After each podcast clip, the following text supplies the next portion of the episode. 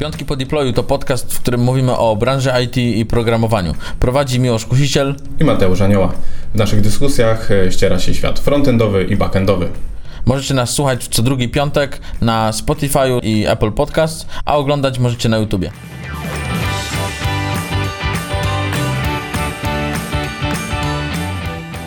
Cześć, witam Was bardzo serdecznie w 23 odcinku Piątków po deployu. Ja jestem Mateusz i dzisiaj porozmawiamy sobie o JavaScriptie.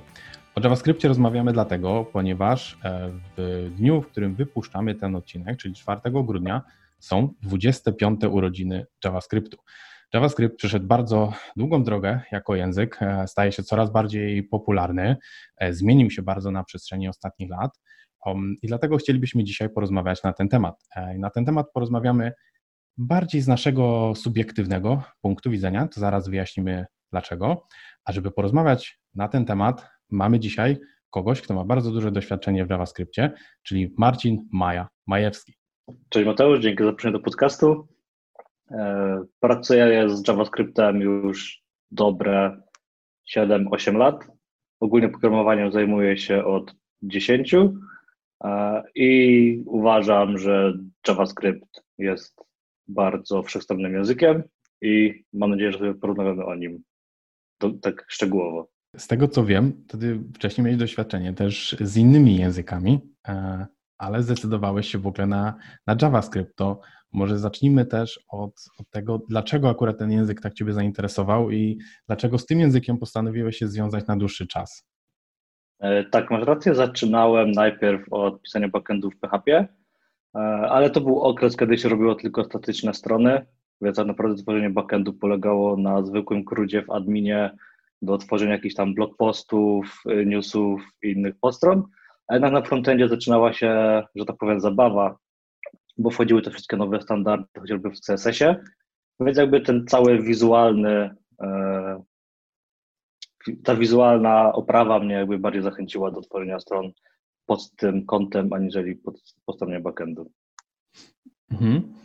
E, tak jak właśnie na wstępie wspominałem, chciałbym, żebyśmy porozmawiali bardziej z takiego subiektywnego punktu widzenia. Myślę, że na YouTubie czy na innych portalach jest całkiem sporo materiałów, jeżeli ktoś chce się zapoznać z historią JavaScriptu, jakie były po drodze wersje, dlaczego takie nie, a nie inne, dlaczego nie było wersji czwartej, a potem była piąta i 5.1, um, ale chciałbym, żebyśmy my tu bardziej się skupili na naszych doświadczeniach. E, tak jak, tak jak Marcin e, wspomniałeś, e, masz doświadczenie ostatnich 6-7 lat w JavaScriptie. JavaScript właśnie w tych ostatnich 5 latach przeszedł powiedzmy największą transformację e, i, i o tym sobie warto, warto porozmawiać.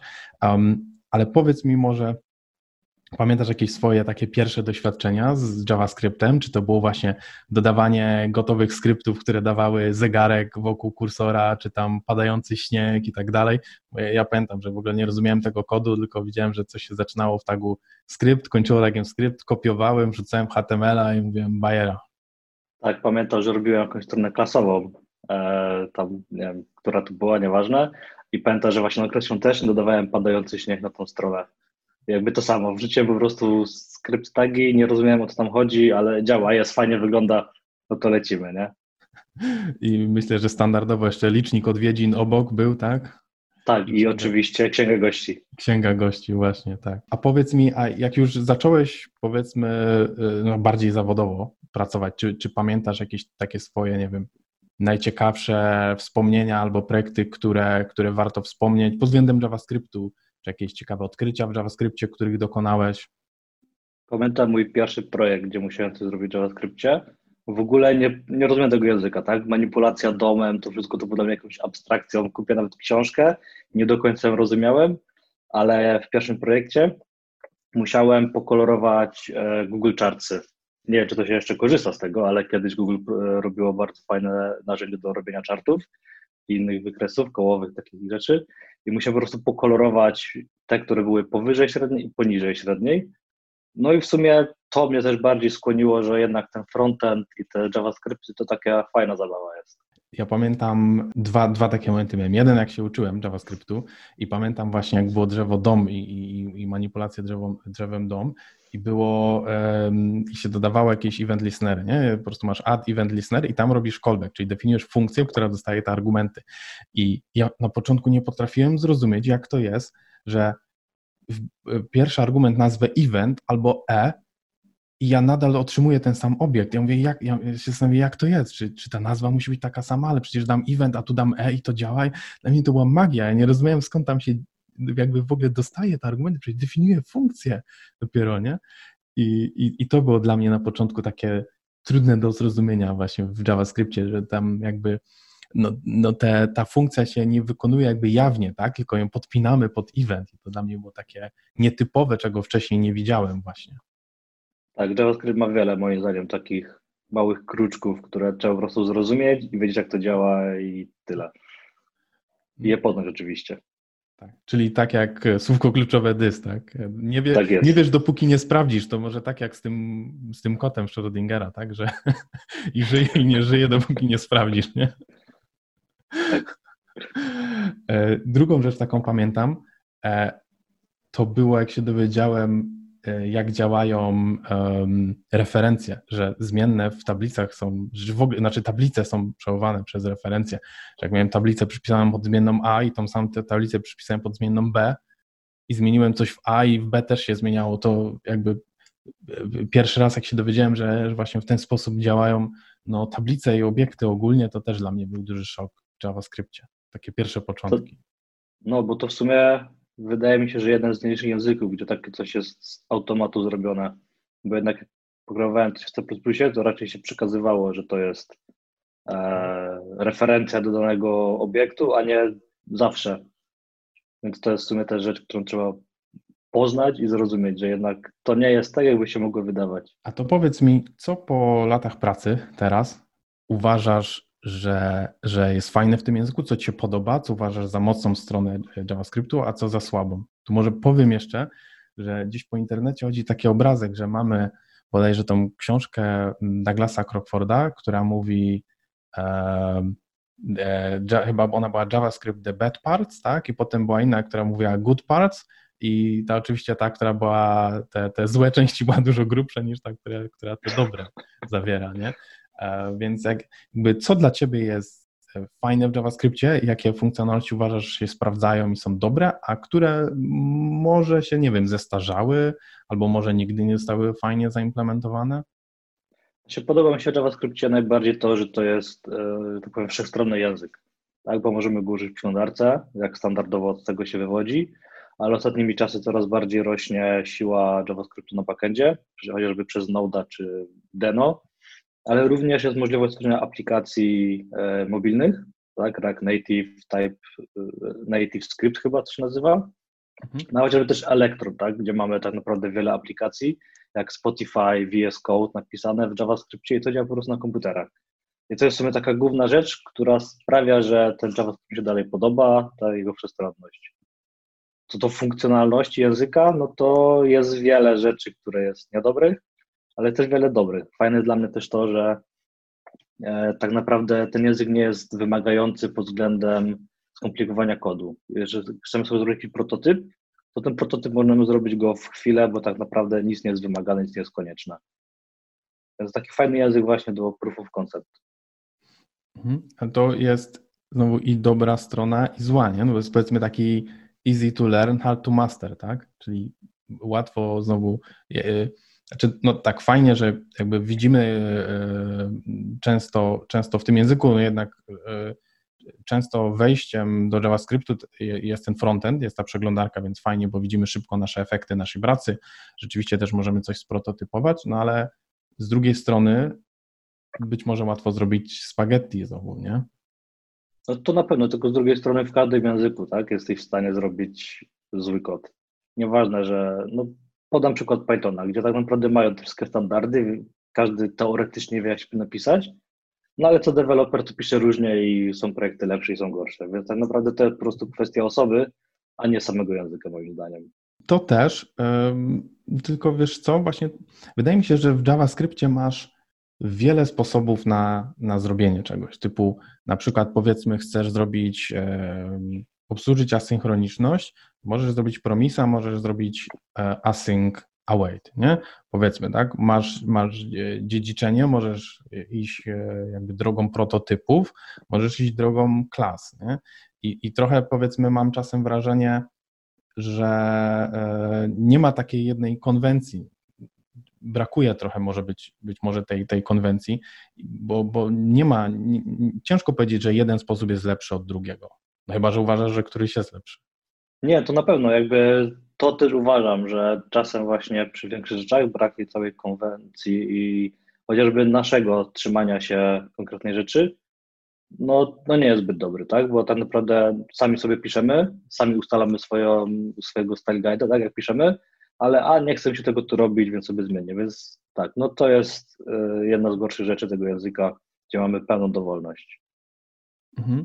Zresztą mi osobiście się JavaScript podoba, podoba z tego względu, że jest też bardzo elastyczny, że pozwala nam wiele, może to tak trochę doniośle zabrzmi, ale na wiele różnych paradygmatów, tak? Chcemy, możemy pisać obiektowo, chcemy, możemy zastosować e, różne wzorce z programowania funkcyjnego. Nie będę mówił, że JavaScript jest językiem funkcyjnym, ale powiem, że Wiem, można że nie zastosować. Jest. Tak, można zastosować pewne wzorce i podejścia znane z programowania funkcyjnego i to jest, i to jest fajne, ale z drugiej strony właśnie tak jak mówisz, mam wrażenie, że nasz kod jest o tyle dobry, o ile cały zespół się trzyma tych konwencji, które ustalimy. Właśnie wspomnieliśmy na początku o tym, że w tym 2015 roku pojawiły się największe zmiany w JavaScriptie. Tak? To, to był pierwszy duży standard od, od, od kilku lat, nad którym, nad którym pracowano. Wprowadził bardzo dużo zmian, nowych feature'ów. Myślę, że w ogóle wyciągnął JavaScript na, na zupełnie inny poziom. I myślę, że taką całkiem sporą zmianą, jedną z największych, którą, o której się kiedyś bardzo dużo dyskutowało, teraz się przyjmuje to już za taki pewniak, że jest, no ale to kiedyś były klasy. Tak? Jakby w JavaScriptie istniały prototypy e, jako sposób na, no powiedzmy, może nie wiem czy dziedziczenie, ale delegację odpowiedzialności, jakkolwiek to brzmi. A, a potem nam doszły klasy i część osób sobie bardzo chwaliła klasy, że o fajnie, jakby mamy tutaj struktury i konstrukcje znane z innych języków, a inni mówili nie, że klasy to w ogóle nie pasuje przecież do JavaScriptu. JavaScript jako język używany szczególnie w przeglądarce nie powinien jakby powielać pewnych wzorców znanych z innych języków dostosowanych do innych środowisk. To co, co ty sądzisz o, po, po pięciu latach, tak już, kiedy ten standard szedł, co ty w ogóle sądzisz ogólnie o, może o klasach, ale też ogólnie o tych feature'ach, które zostały dodane pięć lat temu? Mm, uważam, że te klasy na początku, tak, bo jakby to był ten główny e, feature, tak, tego języka, no dużo osób tutaj mówiłeś, że niby nie, niby tak, nie, nie było takiej spójności, ale jednak patrząc jak to wszystko się rozwinęło, te klasy dały e, podwaliny do przyszłych nowych zmian, tak, bo dzięki temu ludzie zaczęli bardziej rozumieć ten język, tak, bo prototypy jednak były skomplikowane i pamiętam, że sam nie do końca rozumiałem, jak to całe dziedziczenie po prototypach wszystko działało, wiadomo, znało się regułki, robisz e, odpowiedni ciąg znaków i masz wszystko dziedziczone, ale jak to działa pod maską, tak trochę było gorzej z tym. A jak się prowadziło klasy, to jednak ludzie zaczęli rozumieć, że e, rozwinięcie jakiejś funkcjonalności przez e, ekstendowanie klasy jest strasznie proste. Używamy konstruktora i tak naprawdę lecimy dalej, tak? Nie musimy się martwić o to całe dziedziczenie, jak to dokładnie działa. Jest to z drugiej strony minusem, tak? bo ludzie, którzy nie do końca mają świadomość, jak działa ten cały język, zaczynają pisać różne rzeczy. I te rzeczy na przykład są niewydajne, a moim zdaniem to, co przedstawiamy w przeglądarce dla użytkownika, powinno być wydajne, bo no, niby teraz mamy tak, no, dobre komputery, nowy Apple tak, się chwali swoim M1, który jest e, wydajniejszy od intelowego chipsetu, e, ale wiemy, że tak naprawdę wszystko jest spowodowane E, tym, że to M1 jest e, zoptymalizowane dla aplikacji. Tak samo my, nasze strony internetowe nie, nie są optymalizowane one pod przeglądarki. Po prostu robimy feature, to działa, fajnie i koniec, tak? Ale nie testujemy tego na większym organizmie, gdzie przesuwamy powiedzmy 10 tysięcy elementów do, do jakiegoś, nie wiem, diva, tak? Żeby wyświetlić je. Więc to jest minus e, tych nowych wszystkich funkcjonalności, że ludzie za, się zachłysnęli, zaczęli po prostu wszyscy tworzyć które, rzeczy, które były niewydajne. Co do innych funkcjonalności, powiem szczerze, że już nie pamiętam, co kiedy weszło, tak? Jednak siedzę już trochę w tym JavaScriptie i pamiętam tak, że weszły te klasy, to był taki główny, główny nowy feature, ale co w tym momencie jeszcze weszło, nie jestem w stanie ci powiedzieć. Wtedy też, e, wtedy też takim e, czymś, co weszło i co w sumie jest, jest dobrym pytaniem, jaki ma status teraz, jak się sprawdza, były moduły, były natywne moduły. Jakby nadal wykorzystujemy, wtedy były bardzo popularne dwa typy jakby bandlowania, był chyba AMD i CommonJS i generalnie nadal korzystamy z Webpacka, to po prostu on wykorzystuje jeden z nich, już nie pamiętam który, i nadal nie wykorzystujemy w pełni tych natywnych, y, tych natywnych modułów, to jak to jest z tymi modułami? Mamy te natywne moduły, no ale wykorzystujemy je tak naprawdę, czy ich nie wykorzystujemy? E, tak naprawdę dopiero od niedawna e, natywne moduły weszły do Node'a. One nawet chyba nie są jeszcze dokładnie w przeglądarce, ale w Node może śmiało używać już modułów, nie potrzebuje żadnych babeli do importów tylko musi mieć albo odpowiednie rozszerzenie, albo w pakiet JSONie odpowiedni klucz z odpowiednim property. Nie pamiętam do końca to było, ale ja osobiście używałem już w jakimś projekcie naudowym importu bezproblemowego, e, importu bez żadnych babeli. Także jest to w planach, jest to już robione. Z tego, co nawet chyba gdzieś czytałem, zaczynają być to wprowadzone do przeglądarek, że możemy już e, nie tyle może relatywne ścieżki, co razem chyba z HTTP, ale w każdym razie jest możliwość jakby doczynięcia sobie takich modułów, nawet i w przeglądarce powoli. Wydaje się, że one w przeglądarce działały, tam e, trzeba było na tagu skrypt, który linkuje e, ten, ten moduł, trzeba było dodać konkretny tam bodajże atrybut, nie? że to jest moduł. Tak, to był chyba script type module, coś takiego kojarzę. Nie używałem tego, bo jakby nie ma potrzeby w momencie, kiedy mamy Babela, ale jak ktoś nie chce używać, no to raczej może już tego używać bez problemu. Mhm. Wiele narzędzi w sumie już nam daje tego webpacka i Babela w komplecie i prawdę mówiąc pewnie się nawet nie zastanawiamy, nie? czy są moduły natywne, czy korzystamy z jakiegoś innego pakietu. E, jakby z jednej strony mamy bundling i dostajemy jeden plik, z drugiej strony mamy często już lazy loading i, i jakby podział na, e, podział na paczki od razu już też za nas zrobiony. Um, I i, i, w, sumie, w sumie zastanawiam się, bo nie przyjrzałem się, czy na rzeczywiście na jakim etapie są te natywne moduły. Tak, no te wszystkie biblioteki gotowe już mają to pogarniane tak naprawdę za nas, co jest e, oczywiście dodatkowym plusem JavaScriptowej społeczności, że jest wszystko, jest dużo narzędzi i nie potrzebują tak naprawdę pisać wszystkiego samemu od podstaw. Wiem, że jeszcze wtedy do standardów weszły promisy chyba, bo wtedy też nie były takim, nie były ustandaryzowane w pełni. Mm, a odnośnie tego, co mówiłeś, to ja z tymi klasami obawiam się jednej rzeczy i, i w ogóle z takimi featureami, trochę i kierunkiem, jaki obiera JavaScript. Bardzo wiele rzeczy, które pojawia się właśnie w tych nowych standardach, to jest ten tak zwany syntactic sugar, nie? Czyli, czyli po prostu cukier składniowy. Mamy inną formę y, użycia pewnej funkcjonalności, która w języku istnieje. I powiedzmy, że klasy są takim, takim syntactic sugar. Mamy po prostu inną formę, powiedzmy bardziej przyjazną do opanowania dziedziczenia.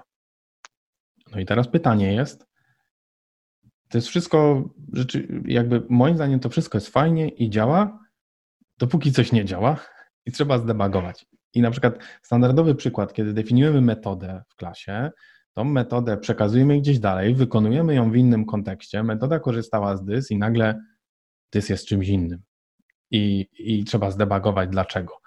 I nagle się okazuje, że ta metoda to tak naprawdę jest funkcja w jakimś obiekcie prototype, który jest podpięty do jakiejś innej funkcji i zaczynamy, zaczynamy kombinować. I wydaje mi się, że prędzej czy później to i tak wyjdzie, i, i, tak, i, tak będziesz, i tak będziesz musiał się dowiedzieć, jak to działa rzeczywiście. Niby tak, ale biorąc pod uwagę, że teraz naprawdę source mapy są bardzo dobre, nawet patrząc w przeglądarce widzisz swoje pliki, które ty tworzysz, a nie te zbandlowane. Więc powiem ci, że przez source mapy może być tak, że ludzie dalej będą tego musieli rozumieć. Po prostu zobaczą, w tym pliku jest to, aha, bo to ma tam inny kontekst, bo coś, bo coś i tak, dobra, to to poprawiam, binduję na przykład tego dysa. Że no, mhm. te całe nasze bundlery, tak, webpacka używamy, czy chociażby rollbara, mamy source mapy, no i nie potrzebujemy tak naprawdę wiedzieć, jak to działa pod spodem. A to, to może inaczej. może spróbuję od, od innej strony, że tak powiem. E, czy nie uważasz, że może przez to właśnie, że mamy tak dużo syntactic sugar, to JavaScript ma trochę problem, nie wiem, jakby z własną tożsamością, czy chce być językiem klasowym, czy funkcyjnym, czy chce wprowadzać takie rozwiązania, a nie inne. Bo, bo, bo tak naprawdę przez to, że właśnie też mówiliśmy, że nie mamy tego style guide'u, to ciężko powiedzieć, co jest tym właściwym rozwiązaniem, nie?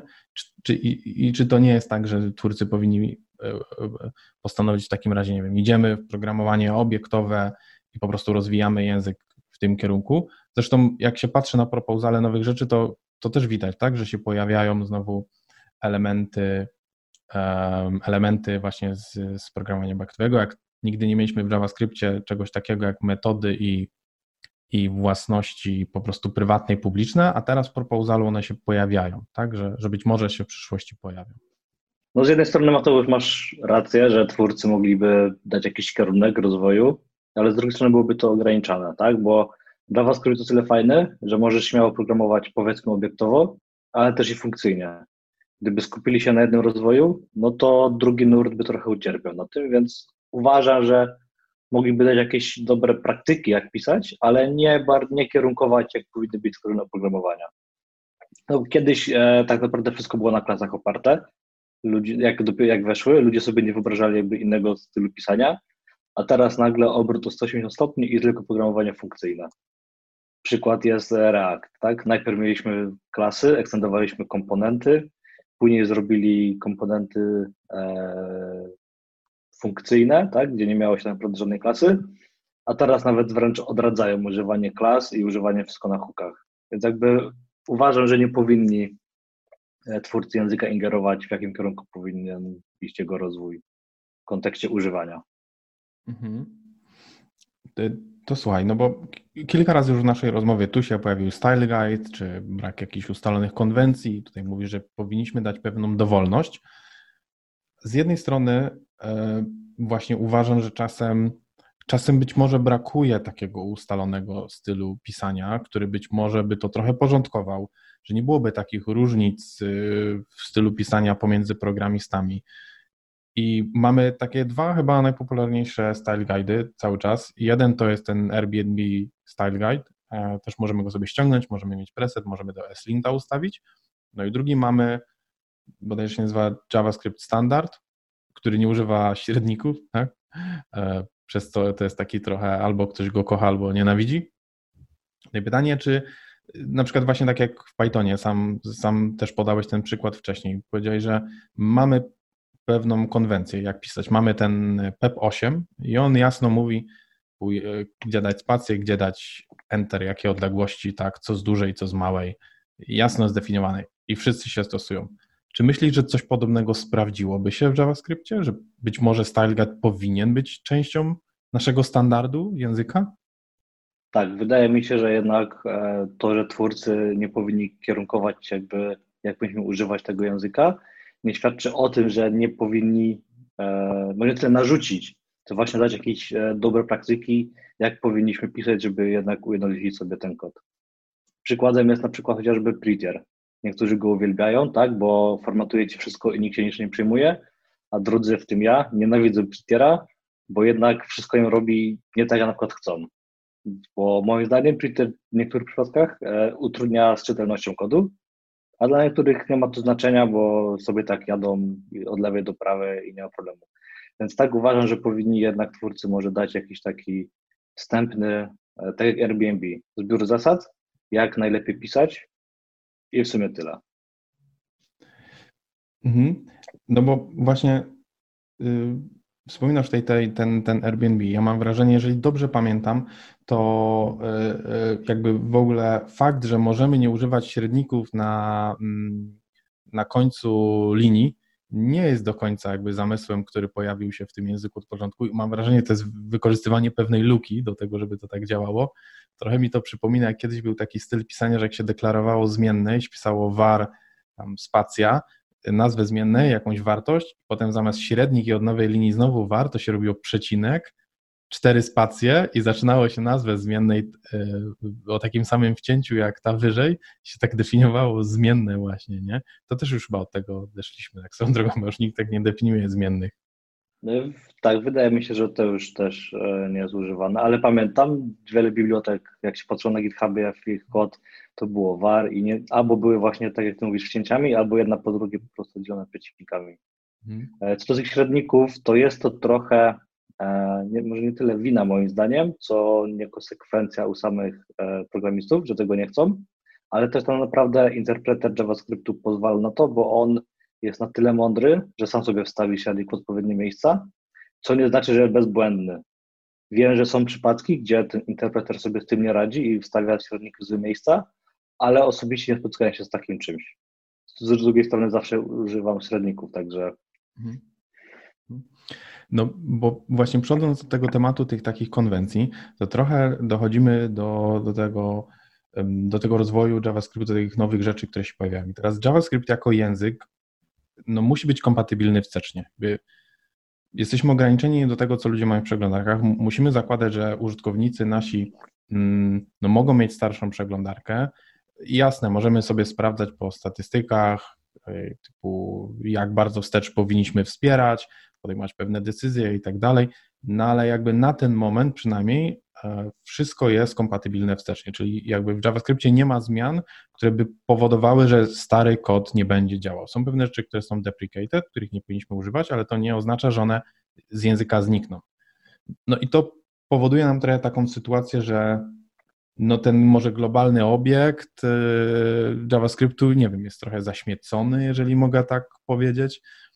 I Pytanie, czy to tym bardziej nie będzie wzrastać tylko, jeżeli właśnie JavaScript jest coraz bardziej popularny i pojawia się na innych środowiskach, tak? Bo inne, inne globalne obiekty zmienne mamy dostępne w przeglądarce, inne w Node.jsie, inne pewnie jeszcze w innych środowiskach, nie wiem, w Elektronie, tak, na desktopie.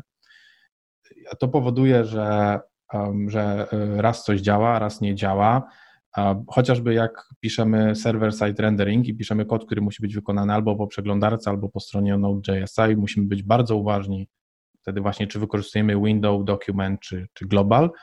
Mm, no i pytanie, czy nie lepszym byłoby na przykład rozwiązanie, nie wiem, zrobić jakichś takich wewnętrznych importów, że na przykład, nie wiem, wiesz, część tych globalnych zmiennych mogłaby być, chyba jest taki proposal nawet, że importować wewnętrzne rzeczy z wewnętrznych modułów jakby JavaScriptowych, zrobić taką bibliotekę standardową i one miałyby prefiks tam bodajże JS, wtedy by sobie robili import na przykład document from browser albo import window from browser albo nie wiem, import tam, nie wiem, global e, from node.js, cokolwiek wymyślam, nie?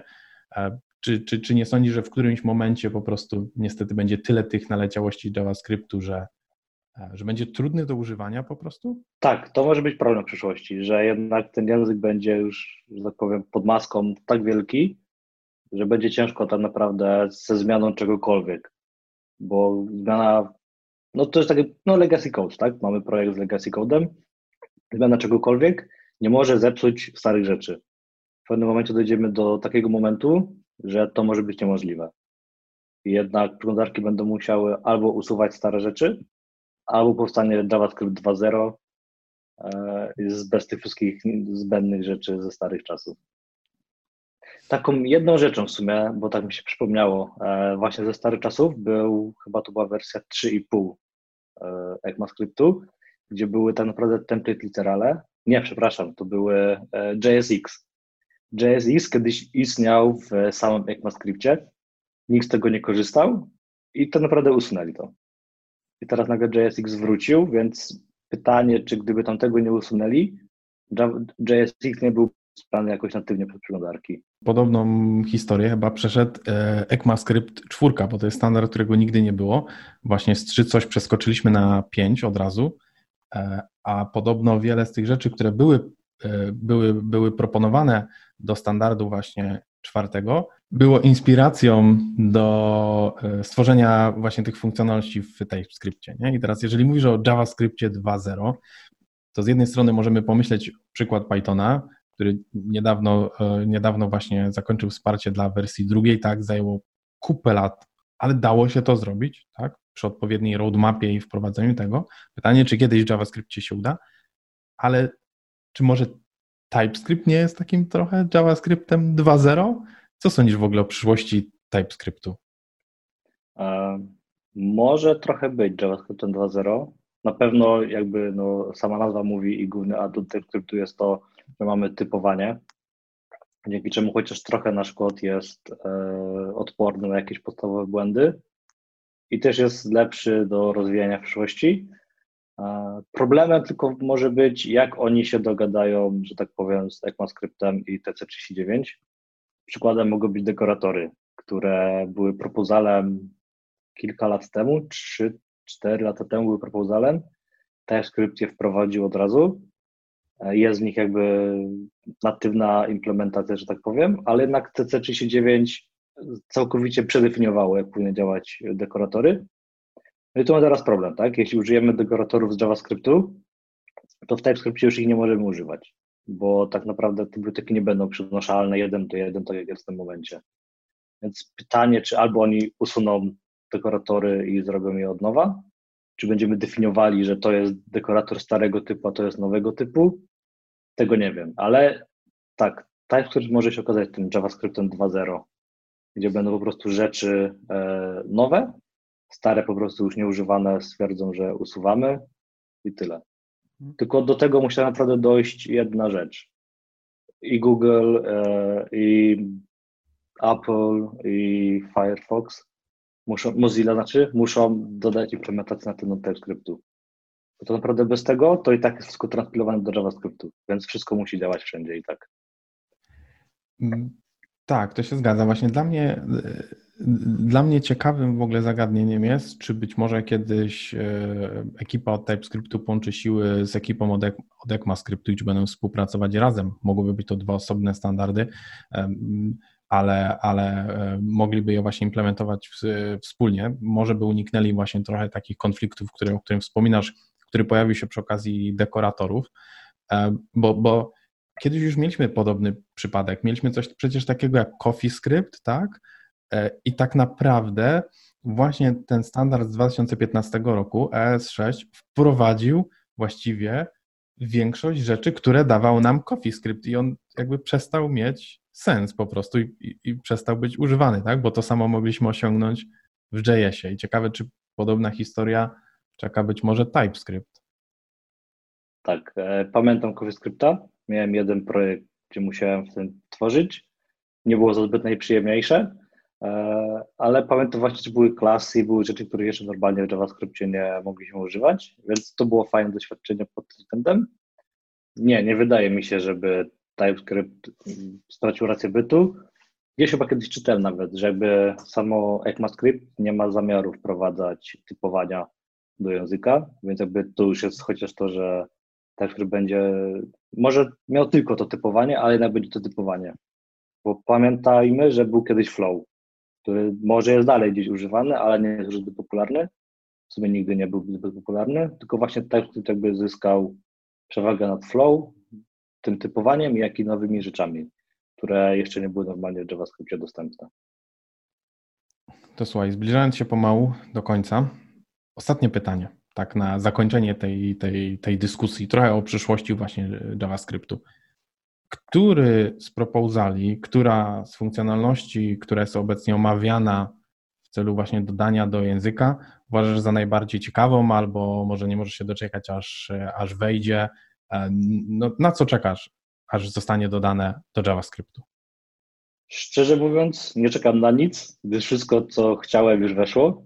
Taką ostatnią rzeczą, na którą jakby czekałem, był optional chaining. On jest już wprowadzony, jest bardzo fajnym narzędziem, więc jakby stosuję go. E, ale tak przyglądając to, co jest teraz, to wydaje mi się fajny e, proposal odnośnie itemu, gdzie nie musimy, że tak powiem, już w nawiasach kwadratowych wywoływać indeksu tablicy czy czegokolwiek, tylko po prostu dajemy item i to jest funkcyjne wywołanie konkretnego elementu. Dalej według indeksu. Mhm. Właśnie też, też chciałem też chciałem wspomnieć ten optional chaining. Myślę, że wielu z nas robiło albo te, te, te krótkie ify, żeby sprawdzić, czy dany klucz istnieje, pobrać wartość, albo robiły te dwa znaki e, end, e, żeby, żeby zobaczyć, czy coś istnieje po drodze i będziemy mieć teraz dużo, dużo prostszą, prostszy sposób na osiągnięcie tego. z takich rzeczy, z których jeszcze sobie przeglądałem i dopóki tego nie przeczytałem, to nie, nie pomyślałem o tym, że to chcę, ale jest coś takiego jak top level e, await e, i to oznacza, że będziemy mogli używać awaita E, bezpośrednio jakby w głównym kontekście. Nie będziemy musieli funkcji, bo teraz musimy mieć funkcję, musimy ją dać jej ten przedrostek async, żeby wewnątrz użyć await, a to nam będzie dawać awaita w kontekście jakby tym, tym globalnym, nie? W sumie takie coś, co, co, co nie pomyślałem nawet, że nie ma. Najwidoczniej nie miałem nigdy akurat może przykładu, żeby tego użyć, ale jak to przeczytałem, to pomyślałem, o, pewnie kiedyś by mi się przydało. To się może przydać przy hookach, bo szczerze mówiąc, jak próbowałem zrobić async awaity na hookach w Reakcie, no to było trochę kombinowania. Więc może do tego elementu będzie bardzo przydatna funkcjonalność. Dobrze, dziękuję Wam uprzejmie za to, że byliście z nami, że słuchaliście 23 odcinka podcastów e, Piątki po Deployu. E, przypominam, że możecie nas słuchać na Spotify'u, na Apple Podcast i oglądać na YouTubie. Zapraszamy na naszą grupę na Facebooku, e, gdzie zawsze wrzucamy zapowiedzi, gdzie wrzucamy wszystkie najnowsze odcinki, gdzie możecie komentować i zadawać nam pytania. Tymczasem dziękuję Wam, do usłyszenia, do zobaczenia za dwa tygodnie. Cześć, na razie. Dzięki, cześć.